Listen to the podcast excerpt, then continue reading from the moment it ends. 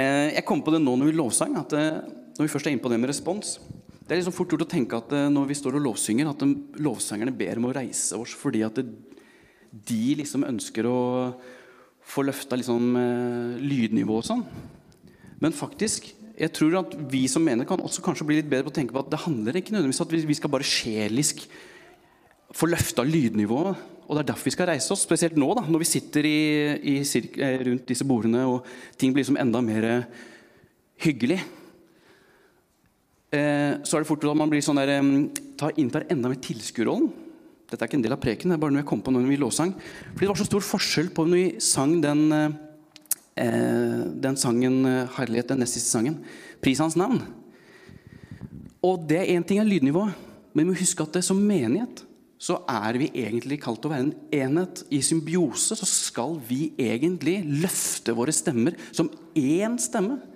Og jeg tror det er noe vi gjør lettere hvis vi reiser oss. Og jeg sier ikke at alle skal reise seg. Jeg vet at det er noen som nesten tilbyr bedre om de kan sitte og på en måte søke Gud på andre måter også. Så jeg sier ikke at det bør alle gjøre. Men jeg sier at vi må ikke, vi må ikke la eh, komforten ta av oss heller. Og at noen ganger så må du kanskje velge å reise deg. Eh, nå sto jeg med Daniel på armene gjennom hele lovsangsøkta, og, av, og, men allikevel jeg visste at jeg må stå eh, for min del. Og jeg, bare, jeg sier det for jeg tror vi har godt av å huske på det at noen ganger så må du velge konkret og fysisk gjøre noen valg. Fordi at vi av kjødet så har vi så lett for å velge noe som er på en måte ja, det Gud ønsker av oss, men litt mer komfort. Litt enklere måte. Litt breiere vei enn den smale sti. Eh, så jeg bare sier det som en påminnelse, fordi jeg også trenger den påminnelsen. At noen ganger så må vi velge å reise oss også fordi at ok, vi, den menigheten er sånn. Der løfter vi stemmen. Som eh, apostelen gjorde når eh, Peter og Johannes kom tilbake etter for n-te gang og blitt arrestert og blitt advart og omtrent trua på livet.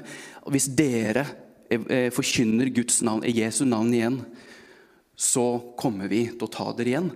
Og så går de rett til sinne og sier at vi må be om mer frimodighet. Og hva står det for noe? De løftet samstemt stemmene opp, og sted rista. Og de gikk rett ut, forkynte videre Jesu navn, og de ble arrestert på nytt. Og de blir slått, og, det ender til syvende og sist ender med at de bare de går derfra og jubler.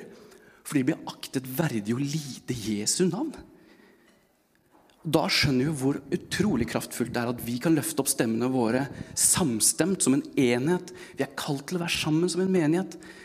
Og I den forbindelse har jeg også lyst til å si i forhold til forrige søndag så løfter jeg fram noen personlige litt sånn eh, byrder som jeg kjente på. Jeg kjente at jeg, jeg, trengte å fortelle det til dere.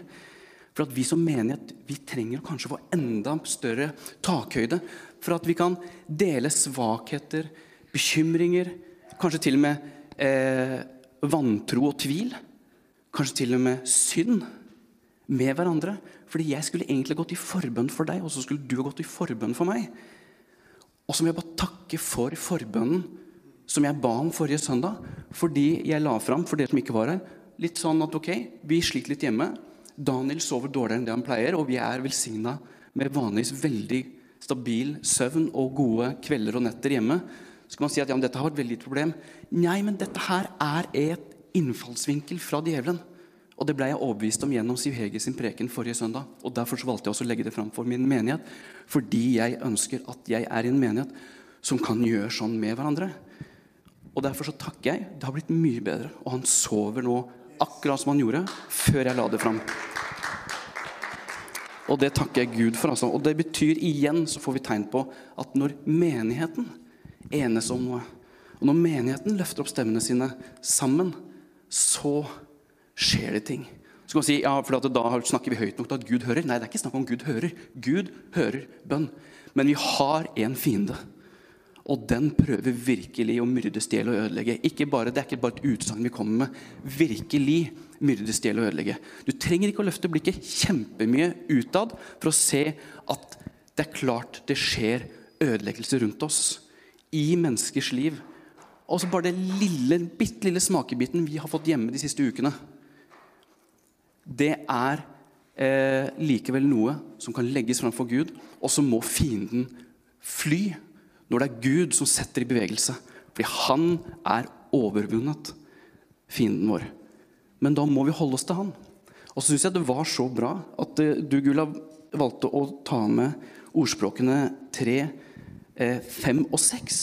For det syns jeg stemte så godt overens med det jeg kjenner at Gud legger på hjertet mitt. Så jeg leser det igjen, jeg. Sett din lit til Herren av hele ditt hjerte, og stol ikke på din forstand. Kjenn Han på alle dine veier, så skal Han gjøre dine stier rette. Det er det som er, det som er litt deilig med ordspråket noen ganger, er at det sier ting så i klartekst. Eh, noen ganger, i hvert fall. Så at du tenker liksom at ok, den er jo bare sett rett ut til eh, altså Den kan du nesten ikke misforstå. Og den der også var ganske tydelig. Og grunnen til at jeg syns den var utrolig god innledning, eh, i tillegg til at det er Guds ord, selvfølgelig, og det er sant, så at jeg har veldig lyst til at vi skal gå gjennom 1. Korinterne kapittel 2 sammen. Den løfter opp, opp, akkurat det samme. At det er Herren vi søker. Og det er der vi finner den rette visdom. Det er sikkert mange som kjenner mye av innholdet i kapittel 2. Og ja, det kan hende at vi går gjennom hele kapittelet. Eh, men det tenker jeg vi kan tåle. Bibellesning eh, sammen, det tror jeg vi har veldig godt av. Så jeg ber først deg, Jesus, fordi at det er bare du som kan forløse din sannhet i våre hjerter og åpne våre øyne, sånn at vi kan se hvilken glede du har kalt oss til, og hvilken velsignelse du gir oss daglig, og hvilken nåde du skjenker oss. Så takk, Jesus, for at åpenbaringen og visdommen den kommer fra deg alene. Og jeg kan ikke gjøre noe, Jesus, hvis ikke det er du som gjør det. Og vi kan ikke, vi kan ikke få noe annet ut av dette her enn det du gir oss, Jesus. Fordi alt annet det kan aktes for skarn. Men det du gir, Jesus, det kan gi evig liv. Så jeg ber om en smak av himmelen. Jeg ber om nåde til å tale ditt ord. I Jesu navn. Amen. Fra begynnelsen, kapittel 2, første korinterne. Og da jeg kom til dere, brødre, kom jeg ikke med mesterskap i tale eller visdom da jeg forkynte dere Guds vitnesbyrd. Og allerede der så må jeg stoppe. I forkant av, eh, i av eh, prekener så er det jeg tror det er sikkert mange av dere som har hatt en eller annen form for bibelundervisning eller forkynnelse, og sånt nå, kjenner seg igjen i at det, det, er noen ganger du har hørt på andre forkynnere og så tenker bare, kan ikke, noen, kan ikke jeg også få disse åpenbaringene som bare sånn der, Når du sier det til mennesker, så bare så åpner liksom det er en helt ny uh, verden for det. liksom. Fordi man har hatt de opplevelsene sjøl man har lytta. Eh, folk som er flinke til å bruke liksom, eh, filosofer med visdomsord som passer perfekt inn i prekena si og i temaet. punktvis og alt det der, sånn. Det skal være retorisk veldig godt sagt. Og så sitter jeg der og så forbereder meg. Og så bare, jeg har ikke peiling. Eh, hva skal jeg si? Jeg har ingen av de akkurat nå. Jeg kommer ikke på noe heller. Jeg kan godt begynne å sette meg ned og lese en haug med bøker, akkurat nå, men da blir det ikke mye greier på det heller. Men så tenker jeg at eh, Én ting er hva andre får til, for det er deres nådegave. Og så er det så viktig at til syvende og sist Hvis de preker Guds ord, så vil, de, så vil det bli åpenbaring gjennom deres ord. Og hvis jeg preker Guds ord, så vil det gi åpenbaring gjennom mitt ord. Eller gjennom Guds ord, da, men det jeg deler. Og jeg kan godt være veldig opptatt av retorikk. Jeg kan godt være opptatt av eh, alle disse profesjonelle foredragskursene. og alt det der sånn. Men jeg tror og det Paulus tar litt tak i her, mesterskap i tale, det må huske på at det kommer ikke først og fremst fra Gud. Er det noe Gud virkelig er flink til, så er det å ta det skrøpelige. Moses, det første han sa når han ble kalt av Gud, at 'jeg sender deg til farao, for du skal eh, be farao utfri mitt folk fra Egypt', så sier Moses 'jeg kan jo ikke tale'. Jeg er jo, altså, han, han sier til og med at 'jeg er dårlig til å snakke'. Det der kan ikke jeg. Og jeg tror at det betyr faktisk helt seriøst at Moses hadde en eller annen form for snakkeproblemer. Hva nå enn det er, det vet ikke jeg, og det kan være det samme for så vidt. Men hvorfor velger da Gud Moses? Selvfølgelig har det noe med hjertet å gjøre. Men samtidig så tror jeg det har noe med at ja, du kan ikke tale. Perfekt. For da gjør jeg det i deg. Når Gideon mønstrer opp jeg tror det var 20 000 menn, og han ble bare for konkret beskjed om nei, kvitt deg med folk. Dette her bærer ikke preg av Guds navn. altså. Og så det sånn, jeg, jeg kan se for meg Gideon. ikke sant? Yes! 20 000 mann, nå er vi klare til krig. Og så bare nei.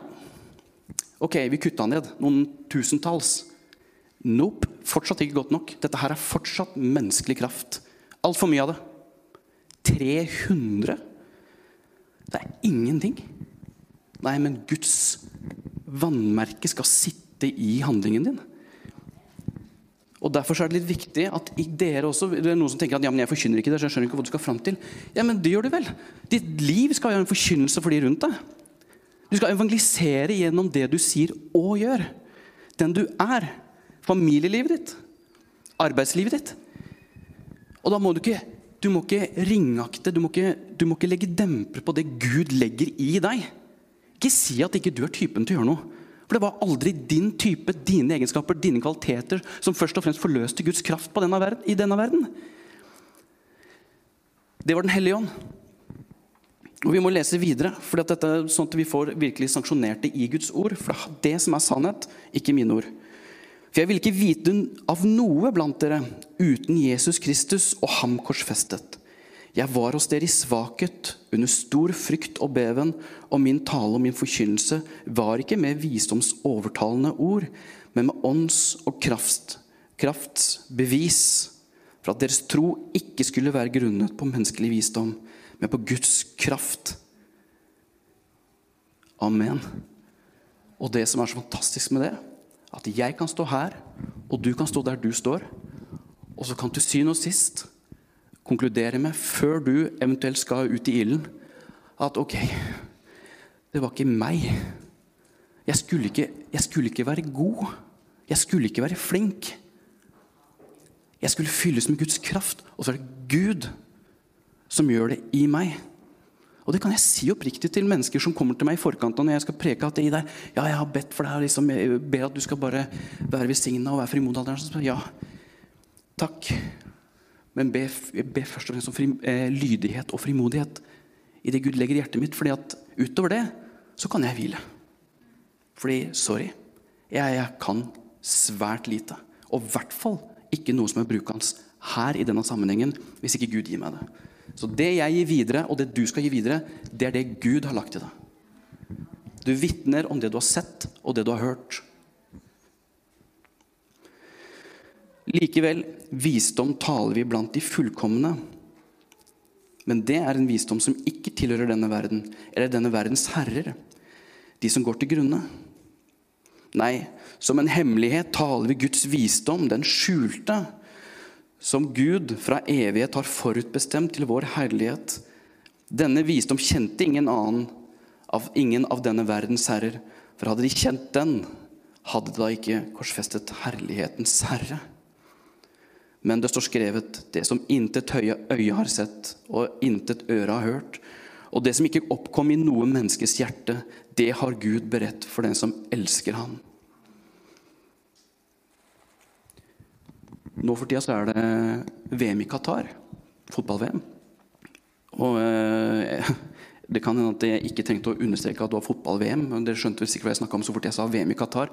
Fordi bare stikkord Qatar tror jeg du har sett noen ganger i løpet av de siste ukene og kanskje måneden i nyhetssendinger og i nyhetsbildet.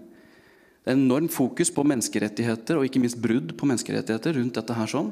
Og så kan man si det ene og det andre om akkurat det. Men tenk, vår tro, den er ikke kun tilkommet noen vise, høytstående herremenn. Den er for hver og en av de som søker Gud. Den er for de fattige. De fattige ånden skal arve Guds rike. Eller for Guds rike er deres, står det. Salig er de fattige ånden, for Guds rike er deres. Kanskje vi til og med nå skal ta en lite sånt hopp fra da, da har vi kommet til 1. Korinterne 2, vers 10. Og så går vi til Joel.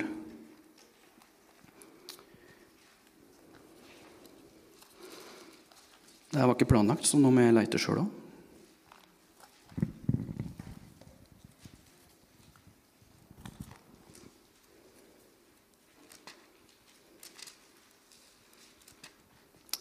Joel kapittel 3.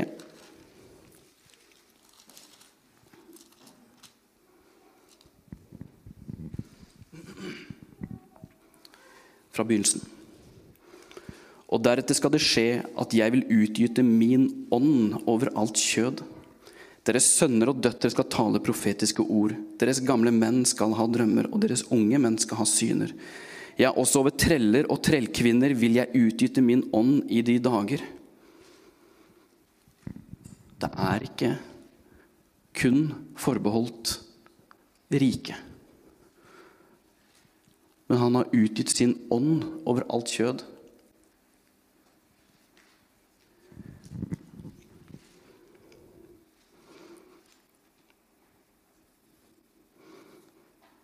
Denne visdom kjente ingen av denne verdens herrer. For hadde de kjent den, da hadde de ikke korsfestet herlighetens herre. Vi fortsetter videre i 1. Korinterne 2 fra vers 11. Vers 10 må vi ta med. Men for oss har Gud åpenbaret det ved sin ånd, for ånden utforsker alle ting, også dybden i Gud. For hvem blant mennesker vet hva som bor i et menneske uten menneskets egen ånd som er i ham? Slik vet heller ikke noen hva som bor i Gud uten Guds ånd. Men vi har ikke fått verdens ånd, men den ånd som er fra Gud, for at vi skal kjenne det som Gud i sin nåde har gitt oss. Forrige uke så preka Siv Hege om den kampen vi har imot den onde. Og viktig det er at vi ser det åndelige i det vi møter. At ikke vi ser et menneske og dens onde handlinger eller dens feil og mangler, men at vi ser ånden som ligger bak. Og da ser vi viktigheten av at vi søker Guds ånd og fyller oss med den. Skal du kjenne Gud, da må du være fylt med Den hellige ånd. Det står det svart på hvitt her. Uten Den hellige ånd kan du ikke vite hvem Gud er.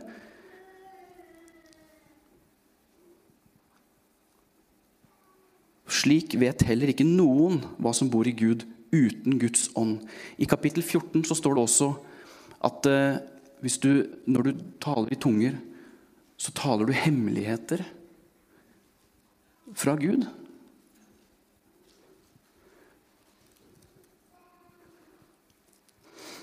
Vi fortsetter videre i vers 13. Og dette forkynner vi ikke med ord som menneskelig visdom har lært oss, men med ord vi har lært av Ånden vi tolker åndelige ting med åndelige ord. Men et sjelelig menneske tar ikke imot det som hører Guds ånd til. For det er en dårskap for ham, og han kan ikke kjenne det. Det kan bare bedømmes på åndelig vis. Den åndelige derimot kan dømme om alle ting, men om han selv kan ingen dømme. Når du drar hjem fra møter, og når du hører på kanskje forkynnelse fra andre steder, så er det selvfølgelig ganske naturlig at du har en slags konklusjon eller en oppfatning av hva du syns om denne prekena og sånn. Eller møtet, eller noe sånt noe. Sangene som ble spilt, kanskje. Har du det vurdert det i din menneskelige forstand, eller er det ånden i deg som forteller deg at dette her må du ikke ta med deg videre? Er det ånden som har avslørt avgudsdyrkelse og løgn? Eller er det mennesket i deg som bare ikke har fått det den har lyst på? Det er noe jeg virkelig kjenner jeg må ta et oppgjør med meg sjøl i. Fordi jeg skal jo ikke bedømme mine øyne. Men jeg skulle se til hjertet, og ikke minst så skal jeg ikke være det sjelelige mennesket. Jeg skal ikke kjenne til mine følelser. Men Den hellige ånd skal åpenbare for meg hva er det jeg skal fylle meg med. Og hva må jeg avstå fra? Da skal du være litt forsiktig med hva du sier. Fordi at til og med når du da egentlig bruker, bruker ganske milde ord, men du har dømt i din menneskelige forstand om en preken, eller enda verre om en preker, så kan du ha sådd et snev av vantro i et menneske. Ikke nødvendigvis vantro til Gud, men allikevel vantro til det Gud gjør i den forkynneren. Eller i lovsangslederen. Eller i bare andre kristne som du møter eller har hørt om. Vi leser jo veldig ofte om disse kristne lederne som faller. Dessverre ikke så ofte om disse kristne lederne som fortsatt står. For det er mange av de òg. Og så er det lett å prate om de som faller, og hvor gærent det var. Og så kan man si at ja, vi har, vi, Paulus skriver til og med i samme bok At det, skal vi ikke dømme troende? Vi skal ikke dømme, vi skal ikke dømme verdens eh, eh, verden. Det er ikke vår jobb. Det står til, men det står faktisk det, selv om kanskje ikke det betyr nødvendigvis at vi skal drive og bedømme hverandres tro og, og eh, sånt noe. Men det betyr at vi skal kjenne etter i ånden. Om hva du skal fylle deg med, og hvem skal du omgås med. Og de tingene der, Hva er det som kan ødelegge for gudslivet ditt? Det skal du gjøre. Men når du begynner å snakke om mennesker som du en gang ikke har møtt ansikt til ansikt, fordi de har falt, så skal du bruke Da skal du være litt nøye med orda du bruker, tror jeg. Fordi at jeg har ikke lyst til å kaste noen forbannelse over brødre og søstre. Det står i jeg tror det er Jakob eller så er det Peterbrevene, så står det at med samme tunge som vi besigner Gud med Jakob, takk. Med samme tunge så forbanner vi med. Så hyklerske er vi. Og Det er derfor jeg sier det. Jeg kjenner i meg sjøl også. Og Da må du lære deg, og jeg må lære meg, og vi må lære oss sammen som vi mener at vi bedømmer i ånden. Og så følger vi det ånden leder oss i, inn i og ut i. Og så avstår vi, og er vi til og med nøye til å fly fra syndens bedrag. Fristelsene som dukker opp underveis. Jeg snakker stadig med flere som sier at det skjer noe i menigheten. Det er noe som skjer i hjertene til menneskene her. sånn. Det skjer noe på møtene våre. Ja, og jeg ber til Gud om at det er sant, og jeg tror det sjøl også. Men da kan jeg love dere at fristelsen vil komme. Og vi kommer i hvert fall til å bli frista til å gå imot hverandre. Og jeg ber til Gud, og jeg håper at dette kan være med på å hjelpe. Men denne menigheten må stå fast sammen i Guds ord. Vi må velsigne hverandre. Vi må velsigne Fernando. Og vi må be for hverandre. Og vi må ha eh, vi, må ha, vi, må ønske det beste for hverandre. Vi skal overbære det for hverandre. Fordi jeg tror at hvis den menigheten skal stå i de prøvelsene som kommer, for det vil komme Er vi villige til å gå mer ut i det Gud har for oss, så vil prøvelser komme. Så tror jeg at du kommer til, du, hver en del som sitter her, til å bli prøvd i trofasthet til Gud og trofasthet til broderskapet, for å bruke et bibelsk uttrykk. Og vi må, avslutte, vi må ta med avslutningen av kapittelet også. For hvem kjente Herren sin så han kunne undervise ham? Men vi har Kristi sinn. Og Kristi sinn, det er overbærenhet. Er det noen som hadde overbærenhet, så er det virkelig Jesus Kristus. Han som møtte bare syndere. Uten å synde sjøl. Eneste som kunne dømme. Uten å dømme. Der er ikke vi så må i hvert fall da ikke vi i hvert fall dømme. Det står til og med den samme ånd som du dømmer, andre skal du selv bli dømt i. Så jeg ser jo at vi er jo helt avhengig at det er Den hellige ånd som får lede oss. Altså. Fordi jeg klarer ikke dette her i meg sjøl. Bare stoltheten og egoet i, i meg presser meg virkelig noen ganger til å sette meg opp mot enkeltmennesker, eh, situasjoner, Kanskje til og med noen eh, prekener eller eh, noen av sangene vi synger. Så er det egentlig bare sjelelig.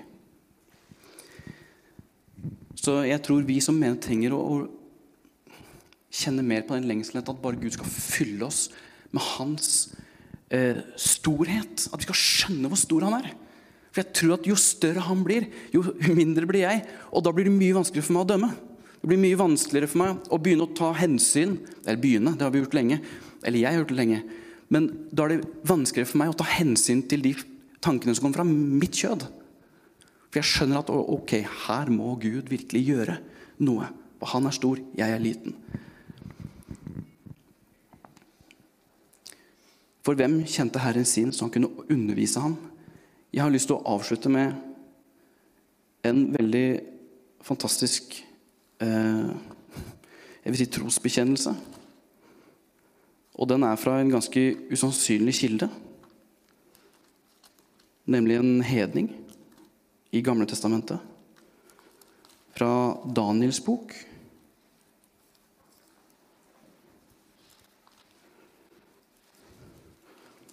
Den leste jeg også på et bønnemøte her i sist bønn og faste. For det som var der.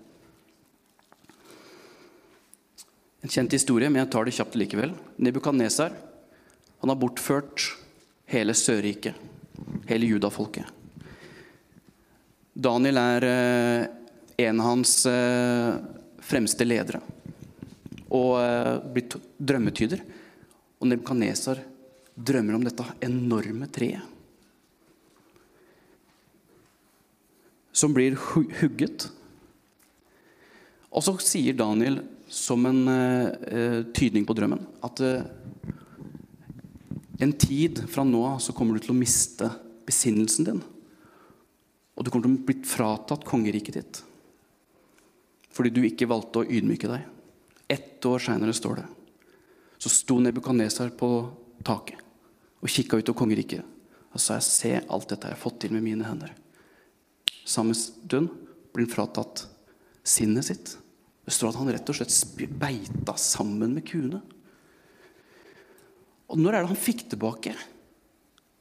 For det gikk en stund, og så får han tilbake forstanden.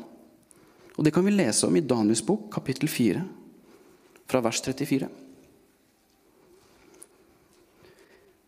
Men da tiden var utløpt, løftet jeg, Nebukadnesar, mine øyne til himmelen.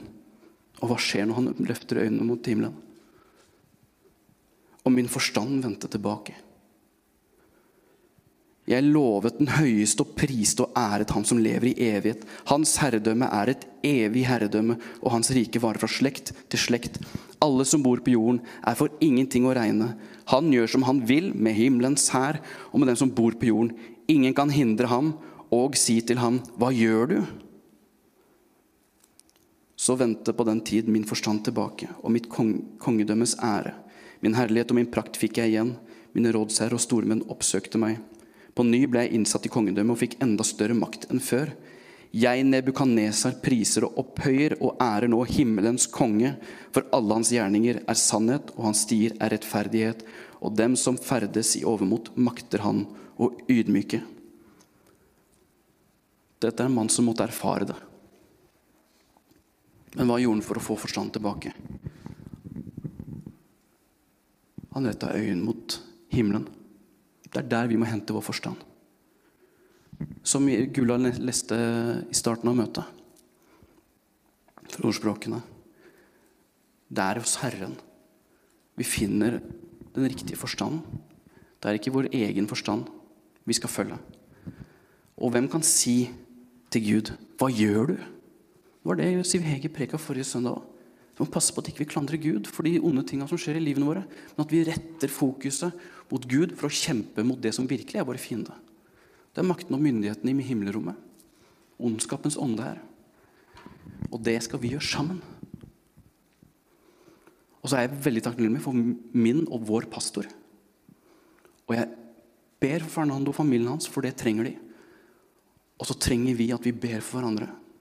Og da selvfølgelig spesielt for Fernando, for han får nok det enda mer enn vi andre gjør. Så jeg håper at vi som menighet kan eh, kjenne på det at det er Ånden skal lede oss. Det er Guds kjærlighet som skal eh, fòre broderskapet, eller søskenskapet, for å kalle det det. Fordi vi har ingenting altså, uten det han gir oss. Jeg tror vi skal si at eh, det får være nok. Og så bare håper jeg at vi kan løfte enstemmig opp stemmene våre når vi lovsynger. Og, en, og etter hvert når vi ber sammen også. At det bare det blir verdens mest naturlige ting. At når Emilie sier at nå kan vi løfte opp stemmene våre, så blir det etter hvert bare en sånn der forløs sånn frihet. For der, den, der Den hellige ånd er, der er det frihet. Da tror jeg det virkelig blir kraft i bønn.